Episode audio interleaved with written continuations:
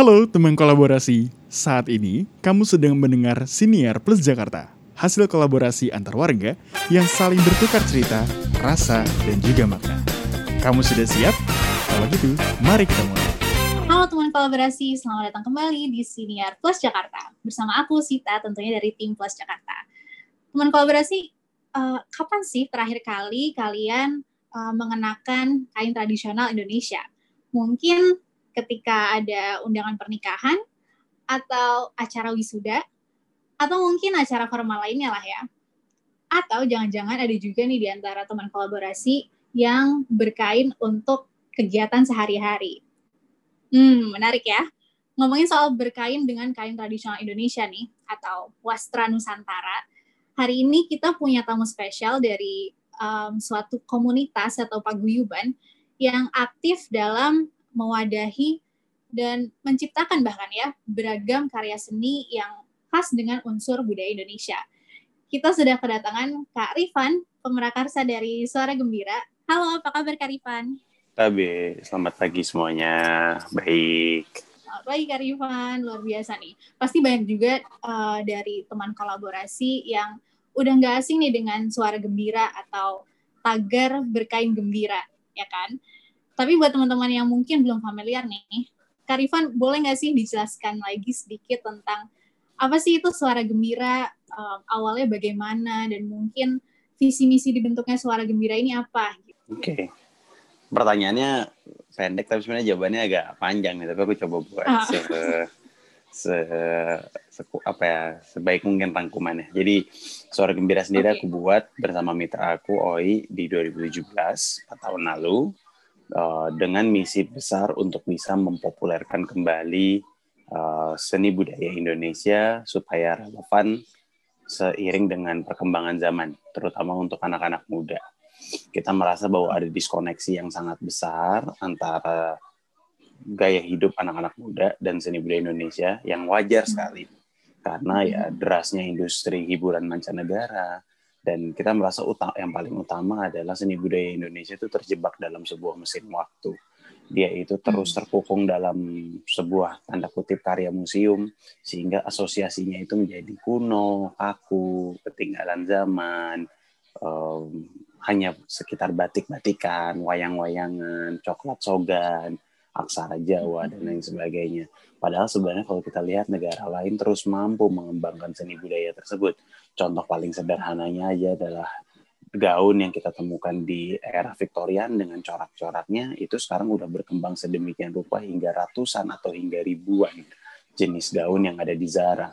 Musik klasik yang ditemukan di Eropa yang diciptakan oleh maestro-maestro seperti Beethoven, Debussy, Tchaikovsky itu udah berkembang menjadi ratusan hingga ribuan genre di negara bagian barat hingga mungkin musik elektronik yang udah sekarang uh, genre-nya udah makin macam-macam. Yang mau aku cerita, hmm. sedangkan hal yang sama Indonesia tidak berhasil melakukan itu karena motif parang yang ditemukan Panembahan Senopati di abad ke-16, eh di abad ke-16 betul, uh, sorry abad 13 itu masih motif yang sama yang dipakai oleh uh, kita kalau misalkan kita datang ke toko-toko batik di Danar Hadi atau hingga di di pasar pasar Tanah Abang.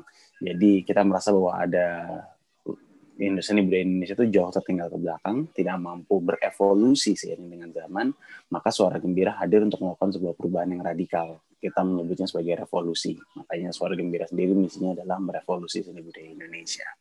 Kurang lebih seperti itu. Wah, menarik banget nih Kak penjelasannya.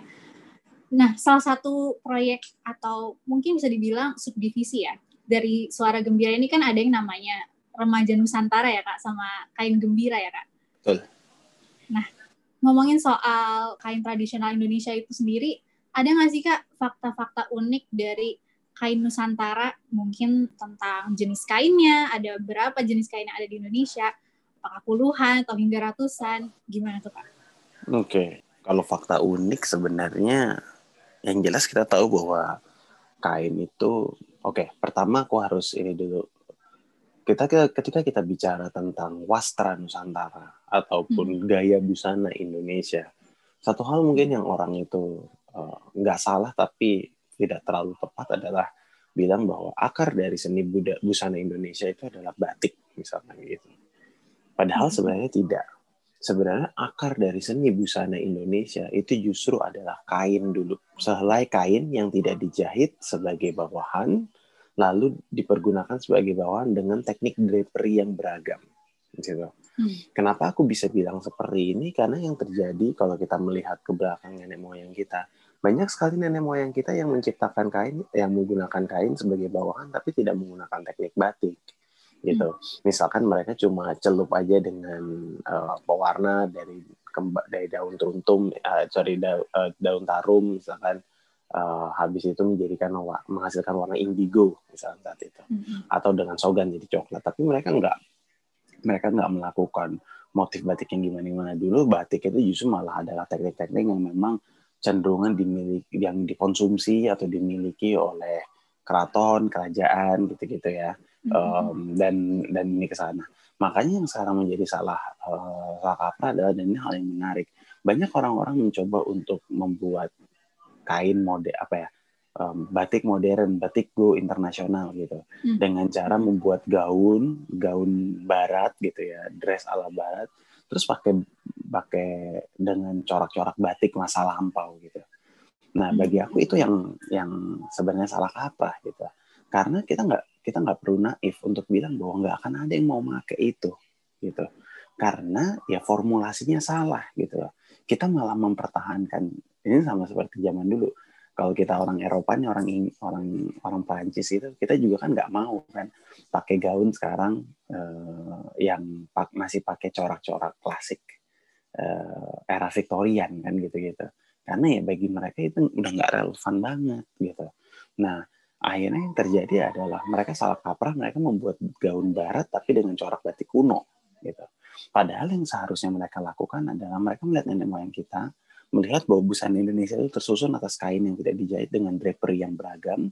Kita mempelajari drapery tersebut lalu mengembangkan harta karun harta karun serta kasanah wastra Nusantara yang dimiliki untuk bisa dibuat jadi relevan seiring perkembangan zaman gitu. Karena kita tahu bahwa ada banyak perubahan-perubahan dan juga perbedaan-perbedaan yang ada di 400 tahun lalu dan sekarang gitu. Seperti hmm. pantone, pilihan warna, seperti bagaimana kita melakukan prinsip minimalisme dalam corak gitu-gitu. Karena prinsip-prinsip ini yang kita pelajari di industri fashion mancanegara harusnya kita jadikan referensi untuk mengembangkan kekayaan-kekayaan yang ada di Indonesia. Karena Indonesia punya banyak kekayaan kan. Gitu. Contohnya misalkan kita ambil singkat, ambil satu contoh um, yang sederhana batik Parang Jawa gitu ya Solo atau Jogja. Kita tahu oh gayanya itu lereng ya, dia diagonal. Yang kita pelajari adalah teknik diagonalnya itu. Daripada kita hmm. copy plak ketiplak untuk akhirnya kita pergunakan gitu. Atau misalkan batik sasirangan. Batik sasirangan terkenal akan teknik jumputan atau mungkin istilah modernnya tie dye tapi dia punya hmm. teknik yang lebih khas gitu ya, celup ikatnya. Kita pelajari celup ikatnya untuk menghasilkan warna corak-corak ataupun motif-motif yang memang relevan seiring perkembangan zaman gitu. Jadi bagi aku sebenarnya fakta menarik ini adalah kita harus sadar dulu deh, kain itu tuh justru akarnya, drapery itu akarnya gitu. Corak itu adalah karya seni dari leluhur kita yang bisa kita pelajari patternnya, pelajari akarnya, tapi untuk dikembangkan bukan hanya untuk ditiru 100% dan berharap bahwa ini akan populer di generasi muda. Itu yang aku mau tekankan. Hmm. Wah, jadi sebetulnya uh, bukan hanya soal coraknya, tapi juga dari kainnya sampai dengan pilihan warnanya itu sendiri ya kak. Betul. Menarik banget. Nah kebetulan beberapa waktu lalu aku juga sempat nonton dan menikmati salah satu karya dari Suara Gembira nih kak. Kayak waktu itu lumayan viral juga ya video pensi atau pentas suara Indonesia. Ya. Boleh diceritain nggak tuh kak tentang itu? Kayak waktu persiapannya, okay. pencari pencarian bakatnya, latihannya segala macam. Oke, okay. um, pentas suara Indonesia sendiri itu adalah uh, proyek yang diinisiasi oleh Skinny Indonesian 24, Andovi dan Jovialda hmm. Lopez. Kebetulan aku dan mereka memiliki kedekatan karena mereka sendiri sudah tampil dua kali dalam empat uh, dua dari empat belas pergelaran yang sudah dibuat oleh Suara Gembira.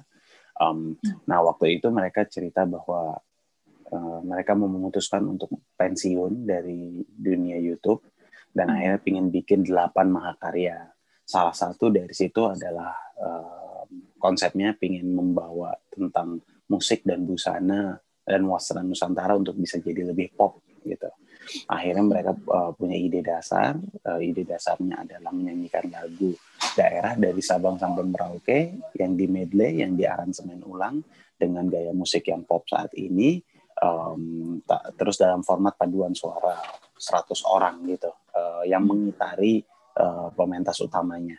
Waktu itu uh, kita merasa bahwa ini hal yang menarik, akhirnya Suara Gembira membantu beberapa hal, tapi terutama uh, Suara Gembira masuk dalam kampanye tagar berkain gembiranya. Jadi Suara Gembira menyediakan busana, jadi uh, istilahnya bahasa sekarang itu stylist ya penata busana, di mana kita menyediakan atasannya, uh, bawahannya, kain-kain ragam Nusantara, serta busana-busana yang memang dikenakan oleh pementas utamanya, baik itu Andovi, Jovial, Yura Yunita, Gamaliel, dan seluruh pementas lainnya, termasuk mengisi sesi uh, peragaan busana atau bahasa Inggrisnya fashion show uh, yang ada memang dalam selingan di dua kurang lebih sekitar 30 menit pertunjukan tersebut gitu. Persiapannya seberapa lama? Persiapannya cepat tiga minggu aja karena uh, emang biasa. kontennya sendiri padat ya. Uh, Skinny itu harus ngerilis konten sebulan tiap tiap bulan sekali. Waktu itu sempat agak telat karena karena satu dan lain hal makanya akhirnya ada yang kepotong. Jadi kayak tiga konten terakhir tuh diposting tiap dua minggu. Jadi persiapan kita hmm. benar-benar cuma tiga minggu doang gitu. Secara latihan sih memang sebenarnya nggak terlalu sulit karena ini bukan live ya gitu. Karena ini bukan saya siaran langsung oh ini live sehingga kita punya lebih punya keleluasaan untuk tidak menyempurnakan itu. Tapi lebih banyak apa ya kita bisa take ulang take ulang. Beda kalau pergelaran suara gembira yang itu kalau sampai salah di saat itu ya udah bubar aja karena kita nggak bisa ngulang kan gitu ya. Nah, jadi mungkin uh, lebih punya keleluasaan um, uh, dan memang ide ide di samping idenya sendiri sebenarnya bisa keluar dengan mudah kan waktu itu kita mikir oke okay, ini lagu dari Sabang sampai Merauke yang jelas busananya harus Sabang sampai Merauke tapi kita buat atasannya menjadi atasan yang lagi-lagi relevan ke ke fashion global gitu itu Uh, jadi kita buat jauh lebih minimalis. Terus kain-kainnya pementas utama itu adalah uh, ini yang unik. Jadi kain-kain yang dipakai oleh pementas utama, termasuk yang ada di paduan suara, itu adalah kain tenun flores. Yang tenun flores itu, tapi kita modifikasi dengan teknik batik. Jadi sekarang ini kan orang kan selalu mengkotak-kotakan kan, ini songket, ini tenun, ini batik. Padahal enggak, bagi kita seni busana Indonesia itu udah seni yang merdeka. Kita udah bebas dari penjajah uh, Jepang dan Belanda itu udah berapa puluh tahun. Masa kita seni busana aja masih mengkotak-kotakan. Akhirnya Suara Gembira membuat sebuah terobosan. Karya kainnya itu adalah karya kain tenun yang kita batik dengan teknik batik yang juga lagi-lagi eksperimental gitu loh.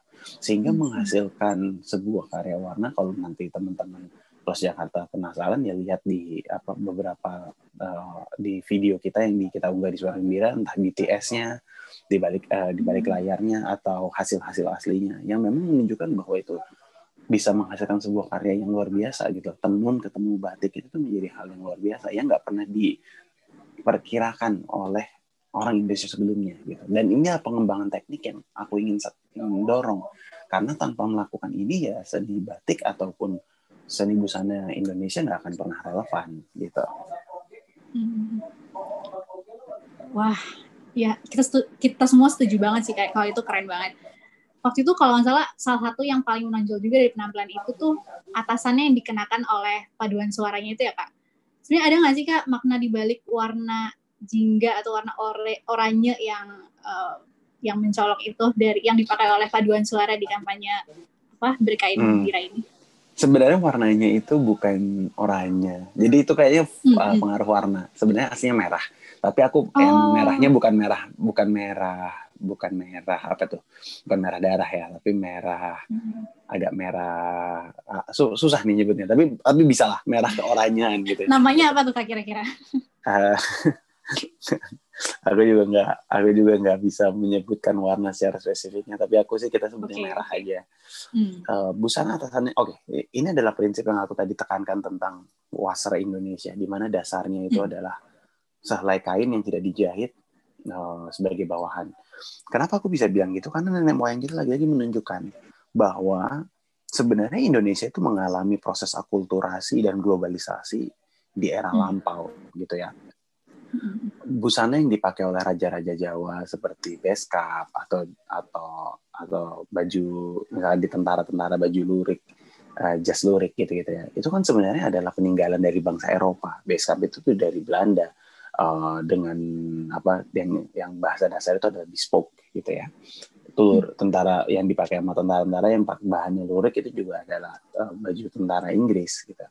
Um, bahkan kebaya pun yang dipopulerkan oleh banyak yang di, sekarang dipakai kita nih yang wanita itu sebenarnya adalah busana yang berasal dari daerah India bernama kambaya di mana waktu itu mereka melakukan perdagangan hmm. mengenakan atasan karena dulu wanita itu banyak wanita Indonesia nggak mengenakan atasan kan mereka telanjang dada aja gitu terus ada busa terus hmm. waktu itu ada upaya karena uh, masuknya Islam masuknya uh, Nasrani uh, Kristi, uh, Kristiani akhirnya mungkin udah ada nilai-nilai bahwa ya wanita harusnya menutup harusnya minimal pakai atasan yang menutup dadanya waktu itu akhirnya hmm. mereka mencari referensi dan akhirnya wanita-wanita di India yang sedang berdagang waktu itu orang bilang oh itu tuh pakai baju kambai baju kambai gitu yang akhirnya hmm. berubah secara etimologis menjadi kebaya gitu ini juga di Timur Tengah ada namanya abaya jadi secara umum sebenarnya hmm. ini bukan busana asli dan tanda kutip Indonesia tapi berkembang ya bertumbuh dan berkembang dan dimodifikasi uh, seiring perkembangan zaman menjadi punya identitas Indonesia. Nah, kembali ke sana, yang mau aku coba ceritakan adalah sebenarnya berkain itu tuh nggak mesti harus dengan beskap, nggak mesti hmm. harus dengan uh, dengan apa uh, surjan, nggak mesti hmm. harus dengan kebaya. Berkain itu bebas karena zaman dulu juga itu adalah sebuah kebebasan. Dulu ketika ada surjan atau beskap, artinya orang Indonesia itu sudah punya mesin jahit. Keraton-keraton tuh abad 18, 19, abad 20 tuh punya mesin jahit sorry, sorry, sorry salah bukan abad 18, 19, 20, tapi abad 20 karena mesin jahit ditemukan uh, oleh ilmuwan Jerman di akhir abad 19. Nah, udah masuk ke udah masuk mesin jahit, tapi mereka kenapa kok nggak ngejahit celana? Kenapa kok kain batiknya nggak dijadiin kemeja batik atau dijadiin celana batik? Karena mereka sadar bahwa yang mereka lakukan adalah tetap atasannya global, atasannya akulturasi, tapi kain itu dipertahankan sebagai identitas Indonesia yang kuat gitu. Hmm. Nah, itu prinsip yang dipakai suara gembira. Kita tetap pakai kain, kalau perlu kainnya kita modernisasi, kita ciptakan sendiri kain-kain yang memang apa ya sesuai dengan fashion taste masa kini. Atasannya kita buat atasan yang global. Nah, kalau waktu itu yang terkenal adalah beskap dan juga surjan, yang formalnya ya kita sekarang kembangkan itu. Nah waktu itu atasannya sebenarnya inspirasinya itu adalah dari salah satu atasan kemeja nah itu kemeja atasan um, salah satu desainer fashion idola kita. Namanya Maison Martin Margiela. Waktu itu kita hmm. merasa bahwa kemejanya itu klasik gitu ya dengan kancing yang sangat mepet. Jadi kancingnya tuh mepet-mepet banget. Jadi satu baju kancingnya ada 17 kita merasa bahwa oh. gayanya juga seru gitu gitu ya udah kita coba kembangkan dari situ. Inspirasinya dari situ lalu kita kembangkan gitu gitu untuk kita buat jadi oversize supaya akhirnya sesuai dengan temanya. Karena memang uh, skinny Indonesia waktu itu ingin membawa arahnya itu temanya itu lebih ke hip hop and gospel jadi kita buat hmm. dengan dengan tema seperti itu jadi kurang lebih atasannya seperti itu yang mau kita ceritakan adalah atasannya itu akulturasi banget nggak ada atasan hmm. asli Indonesia tapi kita pastikan itu menjadi gaya busana Indonesia dengan mempertahankan kainnya sebagai bawahan. Wah, 17 itu juga lambang dari 17 Agustus mungkin ya kak? Iya, iya sengaja kita buat seperti itu. Wah, kompleks juga ya kak ini sejarah dan latar belakang dari konsep yang digunakan uh, suara gembira ini. Waktu itu memang salah satu yang aku langsung perhatiin juga pada saat itu memang pakaiannya sih kak dari paduan suara dan penampil-penampil lainnya. Mungkin bisa diceritain dong kak proses kreatifnya bisa mengemas acara berkain yang kesannya itu tuh tradisional gitu mungkin ya kak tapi bisa menjadi sesuatu yang modern dan fresh banget gitu. Oke. Okay. pertama kita harus satu dulu caranya kalau kita berpikir cara pola pikir kreatifnya sederhana kita harus stop dan berhenti mengkotak-kotakan kain kain tradisional terutama atau apa pun itu ya wasra nusantara dengan global fashion dengan fashion mancanegara gitu. Itu harus stop kita kotak-kotakan. Kenapa? Kalau kita terus mengkotak-kotakan di situ, maka kita nggak akan bisa melebur, nggak bisa ketemu, gitu. Jadi biasanya kan ada kayak, wih, si ini pakai kain tradisional, wih, si ini pakai fashion global. Enggak, kita harus men, memperlakukan kain dan juga wasra Nusantara sebagai bagian dari dari fashion dari fashion, dunia fashion mancanegara. Artinya apa? Artinya kita harus melek. Kita harus lihat tuh semua runway yang ada di Paris Fashion Week, London Fashion Week, New York Fashion Week, Tokyo Fashion Week gitu-gitu. Apa yang ada di Vogue magazine, apa yang ada di media-media fashion mancanegara untuk akhirnya bisa terbuka matanya cakrawalanya terbuka untuk sadar bahwa apa sih yang digemari anak muda sekarang, ya kan? Hmm. Karena kita nggak bisa naif. Yang dikonsumsi anak-anak seumuran kita itu tuh apa sih? Ya hype beast, high snobity, ya media-media seperti itu. Yang referensinya adalah dari fashion mancanegara. Mereka ngeluarin Pantone, misalkan Louis Vuitton kemarin ada warna-warna hijau, hijau spesifik gitu ya, sebagai warna yang akhirnya dianggap akan ngetrend. Itu harus kita harus kita resap gitu karena informasi itu penting untuk kita membuat kain-kain Indonesia bisa relevan kepada fashion global. Karena kalau enggak ya akan terus tertinggal. Kebayang nggak? Nah, ketika kita udah berbicara seperti itu, jadi ketika kita bikin campaign, kita udah ngeliat, oke, okay, kita lebur yuk kain tradisional atau fashion tradisional sama fashion global. Treatmentnya udah nggak boleh kayak dulu. Kita harus bikin peragaan busana, harus bikin fashion show, harus bikin kampanye yang bergaya seperti Prada, bergaya seperti Gucci, tapi menggunakan kain-kain Indonesia. Dan itu dilakukan banyak brand kok gitu di di luar sana gitu. Kalau kita berbicara apa ya? Kalau kita berbicara um, di Jepang misalkan banyak yang menggunakan uh, kekayaan-kekayaan warisan-warisan dari Jepang, tapi udah nggak dikemas bahwa ini tuh adalah parade Jepang tradisional gitu. Jadi mereka udah memodernisasi itu. Ya kuncinya itu mm -hmm. gitu lah kayak masa yang bisa bikin uh, show show keren berkelas internasional cuma Dior dengan bermodalkan kain endak yang dipesan dari Bali kan gitu kan. Sekarang kan pola pikir kita mereka kan udah karena karena waktu Dior bikin itu kan mereka nggak mengkotak-kotakan oh endak Bali ini tuh tradisional jadi tradisional. Enggak mereka bikin itu ya sebagai fashion show yang megah aja gitu. Nah Indonesia itu salahnya seperti itu. Makanya waktu kita bikin kampanye berkain gembira remaja Nusantara itu sama sekali kita nggak mau bilang ini adalah kampanye kain tradisional enggak remaja Nusantara adalah komunitas pecinta fashion pecinta fashion yang memiliki kesukaan tentang wasra Nusantara sesederhana itu atau hmm. bahasa lainnya adalah membuat wasra Nusantara selevel dengan fashion mancanegara gitu. Ketika kita bikin pensi, kita bikin show, referensi kita referensi-referensi di sana. Kita ngelihat Kanye West, kita ngelihat um, terutama Kanye West sebagai referensi waktu itu kita pakai tapi kita gunakan wasra Nusantara. Nggak kita kotak-kotakin lagi gitu lah. Sekarang kan di kotak-kotakin kan selalu ada ya misalkan di museum seni rumah wasra Nusantara. Kemasannya tua banget kemasannya kuno. Aku bisa jamin itu uang kayak gitu. Invest misalkan puluhan miliar. Yang nonton berapa orang sih yang gitu. Buang-buang duit kan nggak relevan kan. Hmm. ya itu masalah orang Indonesia Wah, jadi memang penting banget ya kak uh, kampanye berkain gembira dari suara gembira ini. Tapi kalau boleh tahu, ada nggak sih kak tantangan uh, yang apa ya, yang mungkin di, dialami dari proses uh, kampanye berkain gembira ini sendiri? Hmm, tantangan ya. Jelas ada, karena kan sebenarnya ini hal yang baru ya kan.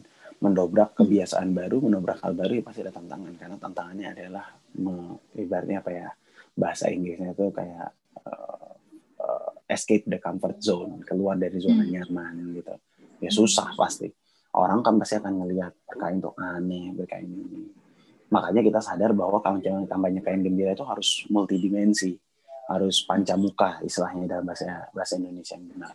Jadi kita nggak bergerak hanya dari akar rumput dari anak-anak umumnya, tapi juga berbicara dari para sosok-sosok, tokoh-tokoh. Makanya kita bikin program namanya Rombak Gaya, bikin uh, tokoh-tokoh ataupun idola remaja masa kini suruh bawa atasannya yang karakter mereka terus kita kainin tanpa menghilangkan karakter mereka sendiri. Kita ajak orang seperti Nadine Amiza, Aurora Amanda, Yura Yunita, uh, Andira, hmm. Bisma, lalu Yas Lawrence, lalu uh, uh, Jejo dan dan banyak orang lainnya gitu ya. uh, supaya akhirnya mereka bisa jadi referensi dan juga bisa menyukai kain gitu. Kalau orang-orang itu bisa jadi referensi, jelas jadi membantu. Idola-idola mereka jadi tahu, oh ternyata The Kain bisa sekeren ini. Gitu. Itu adalah upayanya, tantangan dan upaya kita untuk menghadapi tantangan tersebut. Salah satunya. Iya sih Kak, benar banget. Mungkin uh, ada nggak sih Kak pesan yang ingin disampaikan kepada anak anak-anak muda mungkin khususnya teman kolaborasi di rumah yang sedang mendengarkan?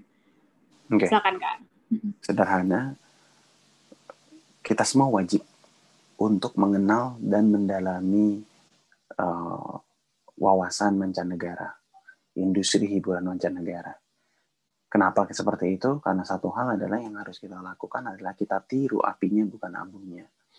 Kita harus sadar ketika kita menggemari K-pop, ketika kita menggemari budaya Harajuku Jepang ataupun anime Jepang, yang kita tangkap itu adalah harusnya apinya. Kita harus pelajari kenapa mereka bisa sejago itu membawa seni budaya mereka membumi bukan hanya di negaranya sendiri tapi juga di di negara lain. Kita harus sadar bagaimana kemampuan industri K-pop tetap menggunakan bahasanya supaya akhirnya mereka bisa mendorong orang-orang mancanegara untuk belajar bahasa Korea dibandingkan mereka belajar bahasa Inggris yang akhirnya mungkin mengurangi value dan nilai jual dari industri-industri mereka sendiri. Karena mereka sadar bahwa ada warna-warna, ada identitas-identitas yang nggak bisa disaingi. Gitu. Bagaimana mukbang mereka tidak akan seru kalau di bahasa Inggris kan.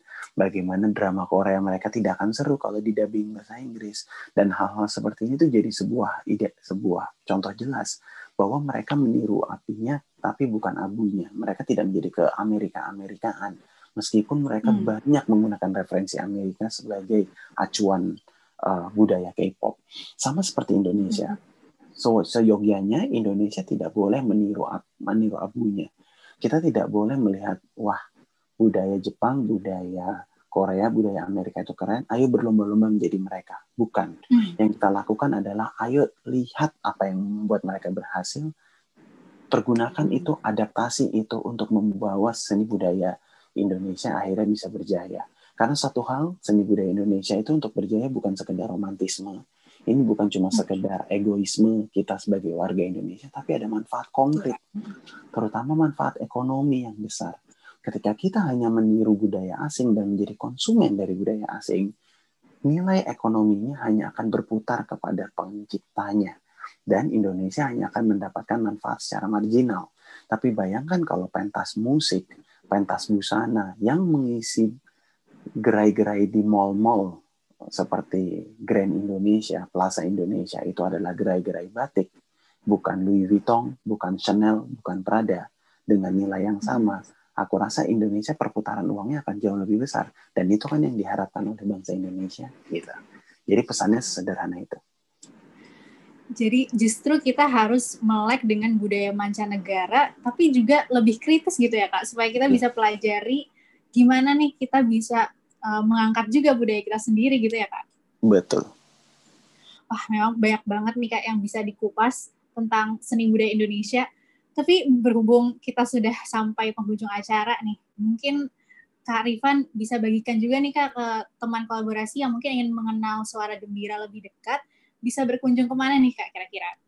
Bisa berkunjung ke Instagram Suara Gembira, TikTok Suara Gembira, Instagram Remaja Nusantara, uh, lalu Instagram Kain Gembira. Oke. Okay. Dan jangan lupa juga ikuti bahasan dan konten lainnya yang gak kalah menarik dari Plus Jakarta di akun-akun media sosial Plus Jakarta. Sampai jumpa di lain kesempatan. Terima kasih Kak Rifan. Terima kasih banyak Tabe. Terima kasih telah mendengarkan Siniar Plus Jakarta. Lihat cerita kolaborasi lainnya di seluruh sosial media Plus Jakarta, serta kunjungi situs kami di plusjakarta.com.